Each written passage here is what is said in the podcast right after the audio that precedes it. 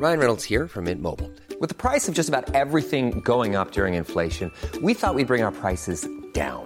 So to help us, we brought in a reverse auctioneer, which is apparently a thing. Mint Mobile unlimited premium wireless. Ready to get 30, 30, bit to get 30, bit to get 20, 20, 20, bit to get 20, 20, bit to get 15, 15, 15, 15 just 15 bucks a month. So, Give it a try at mintmobile.com slash switch. $45 upfront for three months plus taxes and fees. Promo for new customers for limited time. Unlimited more than 40 gigabytes per month. Slows. Full terms at mintmobile.com. I'm Sandra, and I'm just the professional your small business was looking for. But you didn't hire me because you didn't use LinkedIn jobs. LinkedIn has professionals you can't find anywhere else, including those who aren't actively looking for a new job but might be open to the perfect role, like me. In a given month, over 70% of LinkedIn users don't visit other leading job sites. So if you're not looking on LinkedIn, you'll miss out on great candidates like Sandra. Start hiring professionals like a professional. Post your free job on linkedin.com/achieve slash achieve today. Hi, I'm Daniel, founder of Pretty Litter. Did you know cats tend to hide symptoms of sickness and pain? I learned this the hard way after losing my cat, Gingy. So I created Pretty Litter, a health monitoring litter that helps detect early signs of illness by changing colors, saving you money and potentially your cat's life. Pretty Litter is veterinarian developed, and it's the easiest way to keep tabs on your fur baby's health right at home. Go to prettylitter.com and use code ACAST for 20% off your first order and a free cat toy. Terms and conditions apply. See site for details. KrF over sperregrensa, kvinner i anstendige klær, og vi reiser på jubileumsturné. Velkommen til Tore og Tarjei, en podkast fra dagen.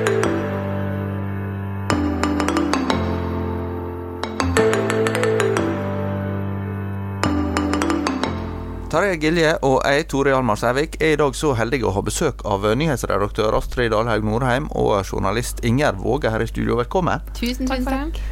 Dere har jo eh, vært veldig tett på valget nå. eh, Både her i Bergen, du Astrid, og du Ingjerd var en tur til eh, Oslo. Hvordan var denne valgnatta i år sammenlignet med valgnettet tidligere? Det er jo ikke, dere har vært ute ei valgnatt før. ja. Og så kommer Valgnatt er jo veldig prega av hvor henne vi er. Det er en eh, plass med veldig sterke følelser. Eh, så i år så var jeg først på PDK, Partiet De kristne sin valgvake, men det var før prognosene kom. De var veldig spent. Eh, nå stiller de til valg i mange plasser i landet, eh, og du merker en sånn veldig spenning. Eh, så kom jeg til KrF sin valgvake i Bergen rett før klokka ni, når de første prognosene kom. Og den stillheten som var der når de var gått ned på tretallet på de nasjonale prognosene, den sier veldig mye. Det, og det var ingen jubel utover kvelden. Sporadiske litt sånn eh, forventninger når du så at de begynte å komme opp mot firetallet. Eh, Nå landa de på 4-0, men det var, det var veldig stille og tafatt.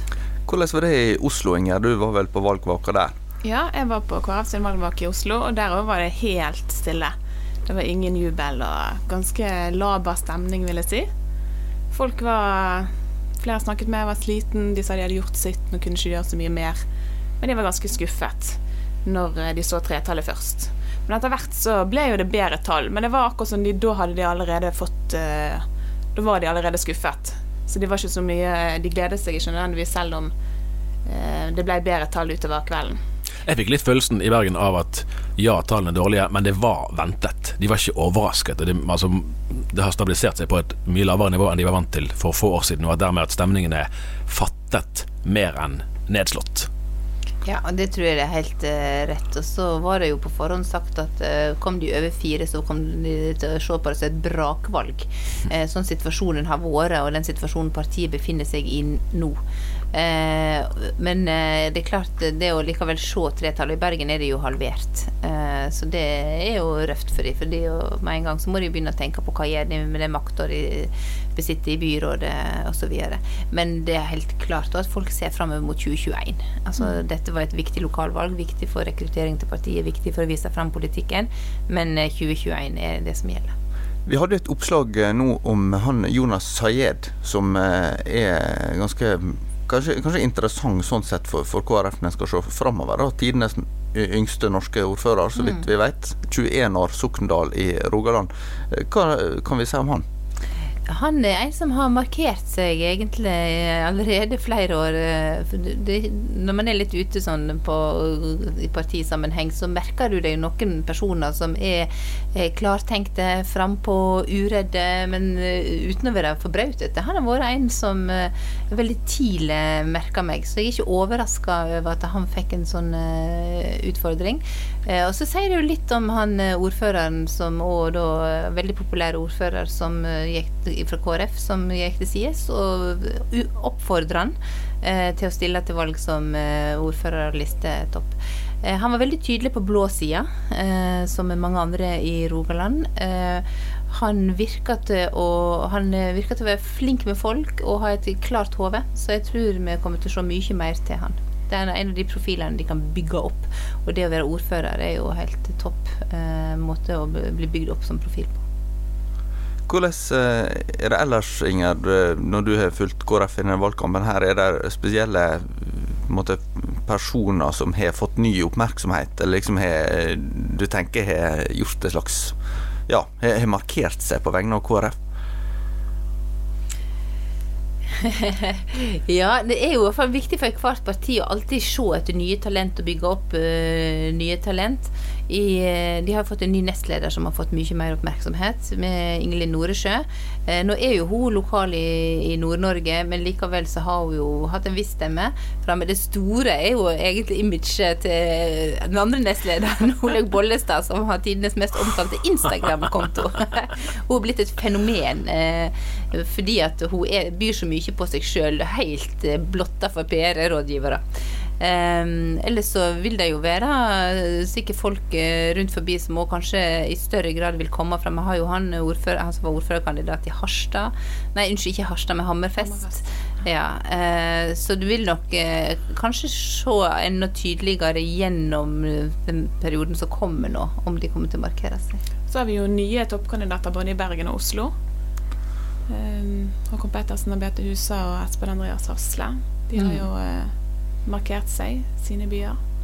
Det var forresten et veldig fint det må bare skyte inn, det var et veldig fint øyeblikk der når Erik Lunde, som har vært en sentral ideolog i KrF i, i senere tid, eh, hadde sitt siste møte i, i bystyret.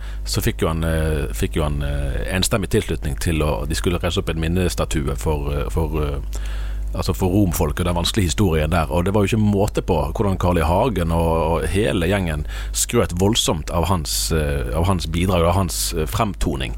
Det var jo eh, altså, Det er ikke så ofte politikken viser seg fra den siden, for å si det sånn. Vi må snakke litt om eh, PDK også, for det ble jo varsla bl.a.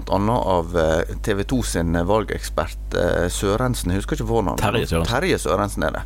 Eh, At eh, han trodde PDK kom til å kunne gjøre et veldig godt valg pga. kommunesammenslåinga bl.a. Men det ser ikke ut som det slo helt til.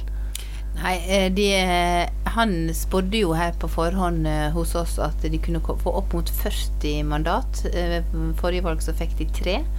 Eh, Han trodde at eh, kommunesammenslåingene var på deres side, for at mange kommunestyrer blir nå veldig store. Eh, Og da kan de få uttelling. Det var det noe annet han nå hadde med i vurderingen der, Ingjerd? Ikke jeg husker helt. Nei, det var kommunesammen... I hvert fall så trodde han at de kunne gjøre et veldig godt valg. Um, vi, vi prøvde å telle gjennom det her i redaksjonen når han hadde sagt dette, for vi, var, vi lurte på kan dette stemme, eh, og prøvde å se rundt i landet og hva hender kan det være og sånne ting. Eh, og så ser vi jo at eh, resultatet var jo at de fikk 0,8 eh, som var en framgang. og var ikke 0,4? 0,8 på landsplan. Det var litt høyt, tror jeg. Det var litt høyt. Ja, jeg tror det var 0,4. Ja. Ok. Dette er rett å sjekke. Ja. Dette må vi sjekke! Dette må sjekkes! Nå tok jeg det herfra. Ja, ja. Eh, Dette kan vi finne ut av. Men i alle fall så fikk de Sørensen sa at de kan få mellom 0,7 og 0,8, og det Ja. ville da gi kunne gi 40 i kommunestyret. Riktig, da var det definitivt ikke 0,8. Men iallfall så kom de ut med seks kommunestyrerepresentanter og én i fylkestinget, som det siste jeg har sett nå. Eh, så det, eh, de var nok skuffa. Eh, ikke det at de hadde forventa opp mot 40, men de hadde håpa høyere enn det de kom på. Og det som nok var veldig skuffende for dem, var at eh, Marita Molthus, som nå er varaordfører i Bergen i og med at hun ble valgt inn som KrF-er for fire år siden, hun eh, kom ikke inn. Så hun har mista den posisjonen. Eh, og de hadde òg håpet at eh, ektemannen Thomas Moltu skulle komme inn på fylkes, eh, nye Vestland fylke. Han kom heller ikke inn. Så to av deres viktige profiler fikk ikke noen posisjoner. Nå har jeg sjekka fasiten. Ja. Altså, de fikk 0,4% i kommunevalget og 0,6 ved fylkesvalget. Så, så de fikk, da var det seks kommunestyrerepresentanter, altså én på fylkesnivå. Det er det siste ja, jeg har sett. Men jeg vil bare komme med bekjennelse at jeg har tatt feil om det partiet. Her snakker vi om, om ganske Vi snakker om små bevegelser sånn i det store bildet. Sant? Men jeg tror jeg skrev, jeg husker ikke om det var før forrige valg eller før valget, og det må kanskje ha vært før forrige valg, så skrev jeg at PDK har antagelig gjort sitt beste valg. Og det stemmer ikke. Jeg tok jo feil. Jeg tok et feil. Ja. Det, man bare ha litt selvpisking her nå. Godt for ikke da, bare jeg som tar feil. Takk skal du ha, Tarjei. for da, Nå sjekker jeg tallene, nemlig. For det, prosentsatsen er jo én ting. Eh, og, og, hvor mange kommunestyrerepresentanter og fylkestingsrepresentanter de får, det er jo òg avhengig av veldig mange andre ting. Altså av andre partiers oppslutning. De kan jo gjøre et relativt dårlig eller godt valg og likevel få færre og flere, avhengig av, av helheten. Men de fikk eh, i 2015 fikk de litt over 7000 stemmer, 2017 litt over 8000 stemmer, og nå fikk de litt over 10 000 stemmer. 10 000 så det er nettopp opp. Så det er, altså det, igjen, dette er små bevegelser på landsplan, men det er faktisk et parti som har en viss eh, fremgang. Det går ikke nedover. med Det som har vært en tendens for disse småpartiene til høyre for KrF, av de kristne partiene, er jo at de har gått i oppløsning innenfra. Det, det er jo ikke et usannsynlig utfall i PDK heller, litt frem i tid, men foreløpig så, så er det en viss indre kraft der. Og det jeg merka faktisk Jeg vet ikke du, om du hørte noe til det i Oslo, Ingjerd, men eh, her i Bergen, så på valgvaken til KrF, så lurte de jo på hvor mange av disse stem, hadde stemt KrF. Eh, hvis eh, de ikke hadde stemt eh, PDK. Og, og, det er jo et svar vi ikke helt har. For vi vet ikke om de hadde stemt KrF, hadde de vært gjerdesittere. Mange ville nok og har legget opp mot uh, kunne stemt Frp. Eh, det vet vi ikke helt. Men når KrF gjør det så dårlig, så var de nok litt mer opptatt av det.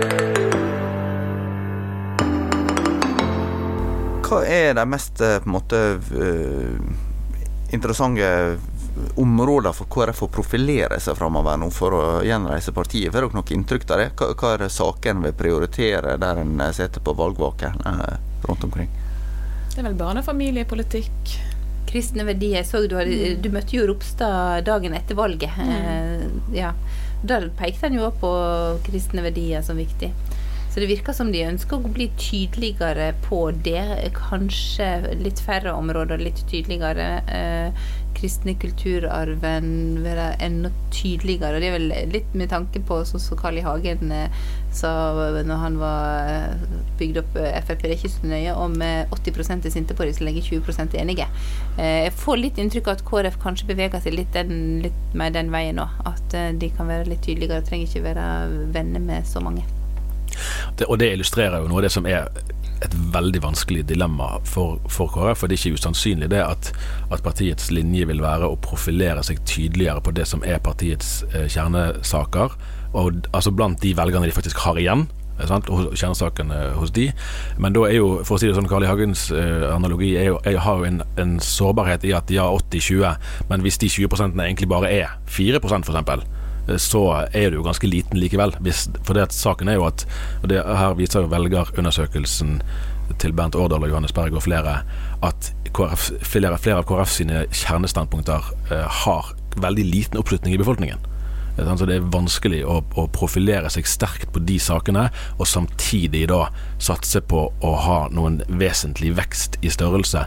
Og Derfor eh, er et av de spørsmålene som jeg sitter igjen med, eh, som blir stadig mer aktuelt eh, i tiden fremover, er jo om eh, menighetsaktive kristne i større grad enn til nå kommer til å se etter andre partier enn KrF og PDK som kanal for sitt politiske engasjement, f.eks. om et parti som MDG kommer til å styrke seg òg i altså i Misjonssalen i Oslo, eh, sant? i Storsalen i Oslo, i Salt her i Bergen, i IMI i Stavanger osv. osv. Om de som er unge velgere i 20-årene f.eks., aktive kristne, tenker at disse partiene her er liksom parti for få symbolsaker der muligheten for gjennomslag egentlig er veldig liten, og at de da vil orientere seg eh, på en annen måte da, i det politiske landskapet. Så langt har ikke vi sett, tror jeg, eh, de helt store bevegelsene i den retningen, men det er ikke et usannsynlig utfall. Eh, hvis eh, KrF f.eks. går i en, i en, sånn markeringsretning, da, der de f.eks. vil løfte frem eh, ja, abortsaken som har vært oppe nå, sant? og den type saker som er veldig splittende i befolkningen. Men eh, der er jo for så vidt et interessant eh, funn fra Pure Research eh, fra i fjor, som har kartlagt holdninger til en del verdispørsmål i Europa. Eh, Og ifølge dem så er det rundt 15% i Norge som er mot selvbestemt abort.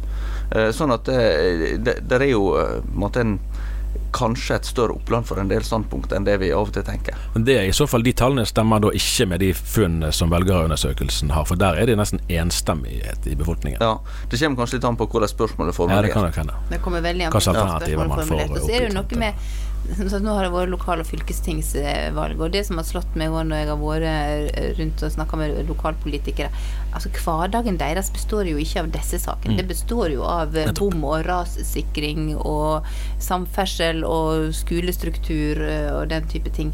Så det er en utfordring for KrF å, å, å, å, markere seg lokalt. Hva stemme skal de være eh, lokalt?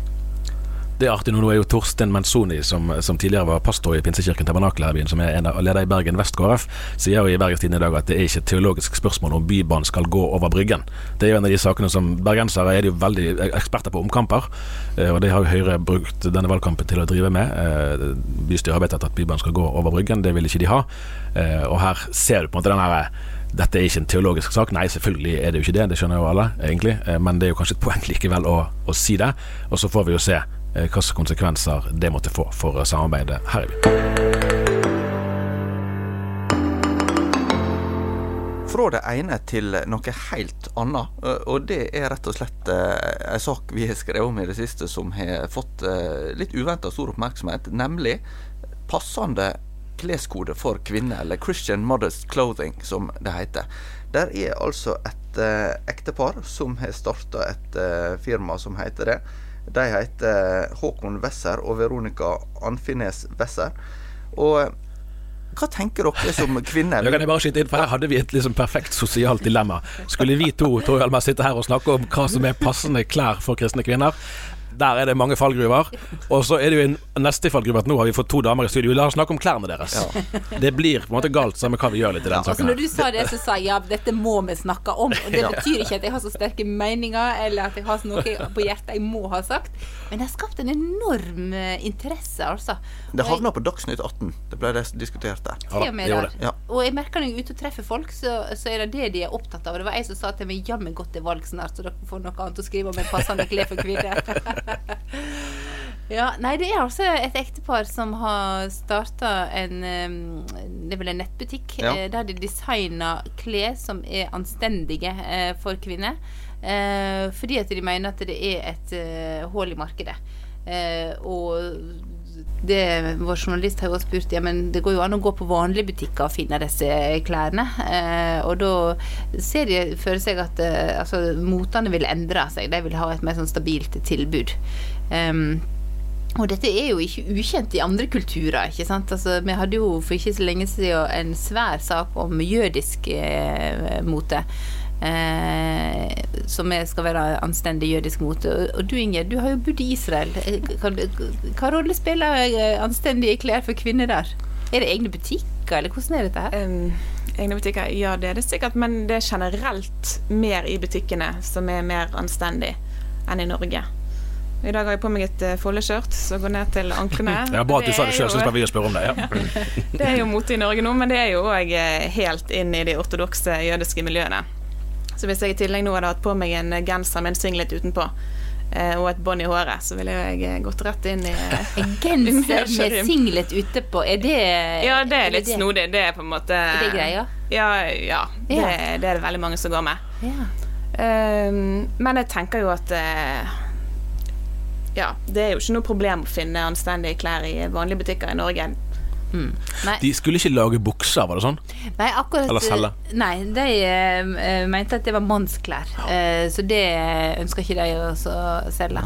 Så jeg, var inne, så- jeg ble jo nysgjerrig, da, så jeg har vært inne og sett på disse nettsidene. Og det er jo, det er jo fine klær som man kan finne eh, andre plasser. Så det er jo ikke sånn at man eh, lyser lang vei at nå har man vært på den og den eh, nettbutikken. Men jeg er veldig spent på markedet.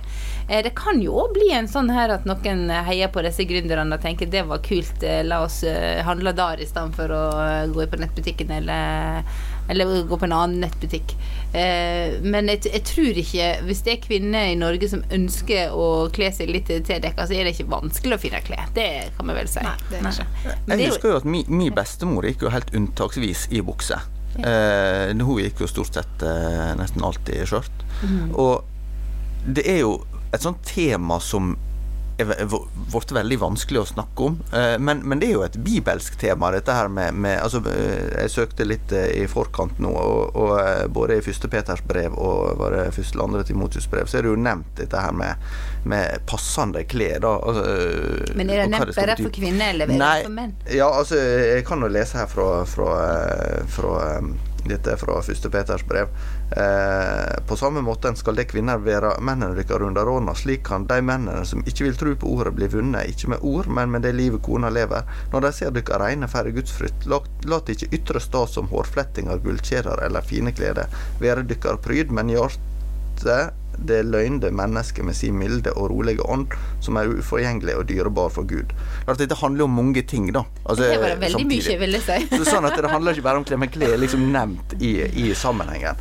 Eh, men, men, det er jo et sånt tema som er blitt eh, veldig vanskelig å snakke om, fordi det kanskje uttrykker sånn mannsmakt til å definere eh, ting som er tradisjonelt har vært ganske sterke i en del kristne miljøer og sånn, og så er det motene som skifter og forskjellige ting. Men, men, det er jo ikke noen, noen, perspektiv som kan forsvinne, er det ikke det?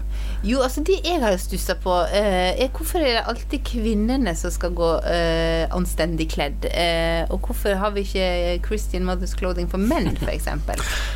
Her er vi jo nesten faktisk midt i den debatten som gikk i Dagsnytt 18, som var en ganske fascinerende skue, må jeg si. da. For da satt jo dette ekteparet, de var på videolink og, og, snakket godt for seg og sånn, eh, men fremstår jo, og spesielt det at de ikke vil, lage buk, altså vil formidle bukser, da fremstår de ganske spesielle selv i de aller fleste kristne sammenhenger i Norge. Og så hadde de med seg Åste Dokka i studio, som er kommentator i Vårt Land, som er en av de dyktigste teologene i vår generasjon, tydelig profilert et annet sted i kirkelandskapet. Og hun trakk jo inn referansene til, til Amerika, der der denne type debatter er mye vanligere enn de er her i evangelikale eh, miljøer der. Men da påpekte hun at, eh, at, der er jo damene gjerne altså har gjerne lengre skjørt sånn enn de har i Norge, men de er òg gjerne veldig eh, sminket og forseggjort med nettopp fletter og litt av hvert. Så syns jeg det var noen sånn paradoksale trekk der. Og så kommenterte jo da programlederen nøkternt til slutt. Ja, det er vel kvinnens lodd det å være så te tekkelig og, og vakker og pen som mulig, men uten å vekke begjær. Men det er altså egentlig et umulig dilemma, da. Ja, nei jeg, jeg, jeg, si, Det er nok mange av oss som har en eh, Jeg er oppvokst på bedehuset, eh, der man var annet veldig opptatt av hvordan eh, jenter og kvinner skulle kle seg og ikke kle seg. Så jeg kjenner jo at det er veldig viktig å snakke om friheten. Eh, både der, men òg når, når, det gjelder menn. Eh, at ikke det er noe som skal kunne pålegges eh, kvinner. Så har jeg veldig tro på at det ikke er det vi skal gå og se på først når vi treffer folk. Det gjorde hun et poeng Veronica var det, hun, eh, hun eh, i av dette ekteparet som formidlet klærne, at dette var Hun gjorde dette ut fra sine egne ønsker. Altså hun ville gjerne ha en annen type klær som hun ikke syntes hun fant, og derfor var det hun hadde satt i gang dette initiativet. At hun ville understreke at dette var ikke et gjenstand for at hun var en underdanig kvinne som fikk beskjed av mannen sin at nå måtte hun kle seg mer tekkelig. Det var, ikke, det var hennes eget ønske, da, forklarte hun. Men det har jo øh, vel øh, vært sånn at, at tidligere Dagen-redaktør Arthur Berg han skrev vel på lederplass i sin tid at kvinner som gikk med bukse, sto for ei anatomisk løgn. Og det er jo uh, Det hadde ikke stått på lederplass i dag, for å si det sånn. Ja. Altså, jeg må jo innrømme at uh, på slutten av 80-tallet, da var jeg sånn 12-13 år, uh, da gikk det altså en voldsom debatt i dagen om kvinner skulle gå i skjørt. Uh, og jeg satt hjemme i Luster i Sogn og leste Dagen, og jeg husker at uh, det var noen som påsto at uh, velsignelsen ville komme tilbake over Norge hvis kvinnene begynte å gå i skjørt igjen.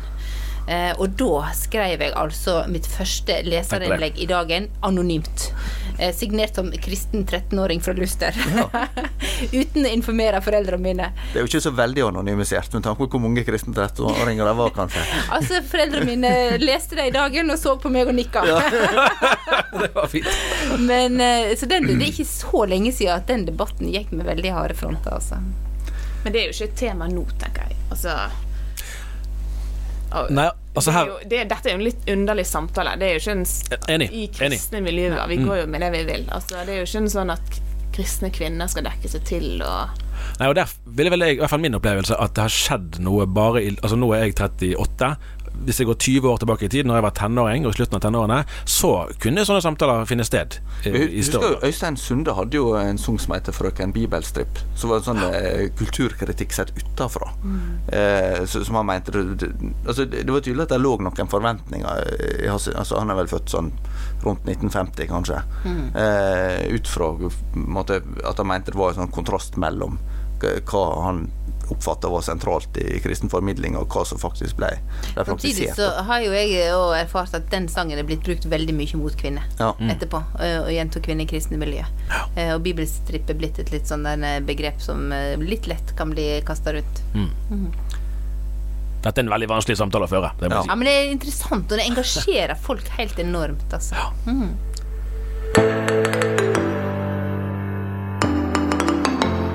Til slutt i dag så eh, vil vi komme med en liten annonsering. Og det er at eh, vi her i podkasten vi kan jo ikke bare sitte eh, på Danmarksplass og prate, vi må ut og treffe folk. Og det har vi tenkt å gjøre noe med nå i høst i forbindelse med dagens sitt 100-årsjubileum.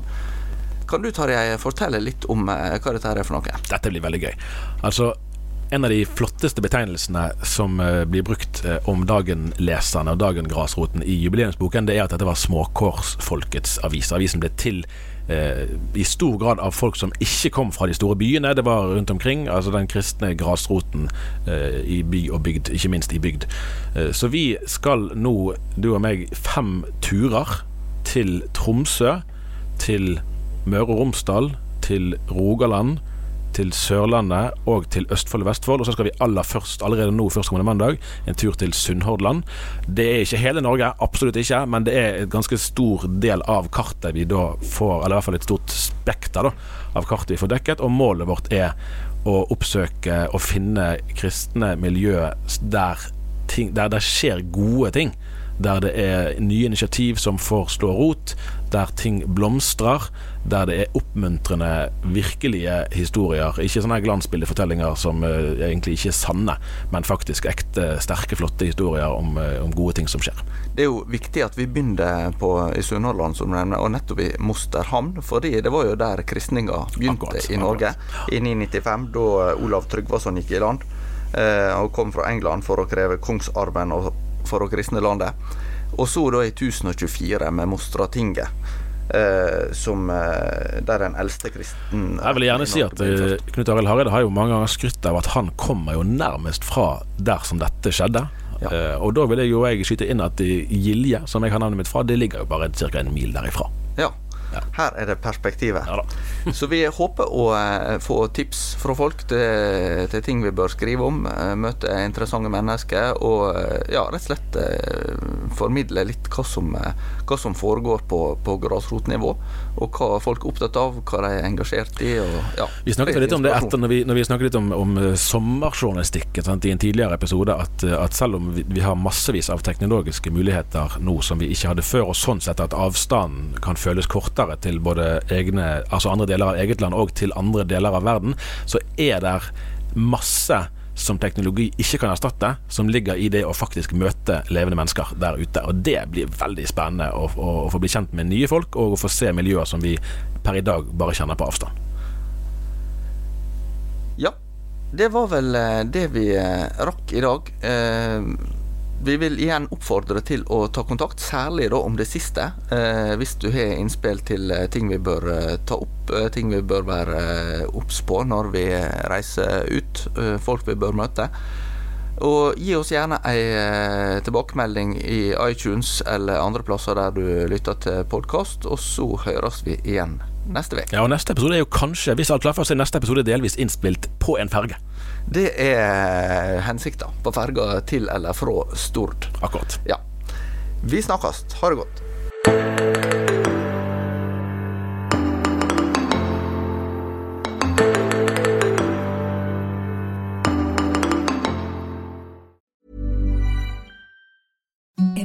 The softest sheets you've ever felt. Now imagine them getting even softer over time. That's what you'll feel with Bowl and Branch's organic cotton sheets. In a recent customer survey, 96% replied that Bowl and Branch sheets get softer with every wash. Start getting your best night's sleep in these sheets that get softer and softer for years to come. Try their sheets with a 30-night guarantee. Plus, get 15% off your first order at bowlandbranch.com. Code BUTTERY. Exclusions apply. See site for details. Hey, it's Paige DeSorbo from Giggly Squad. High quality fashion without the price tag. Say hello to Quince.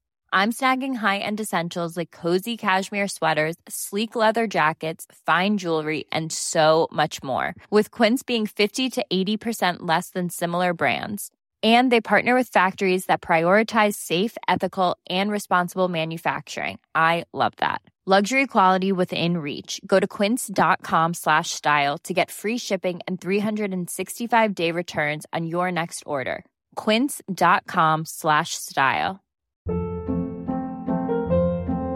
Hold up. What was that? Boring. No flavor. That was as bad as those leftovers you ate all week. Kiki Palmer here, and it's time to say hello to something fresh and guilt-free. Hello Fresh. Jazz up dinner with pecan-crusted chicken or garlic butter shrimp scampi. Now that's music to my mouth. Hello Fresh. Let's get this dinner party started. Discover all the delicious possibilities at hellofresh.com.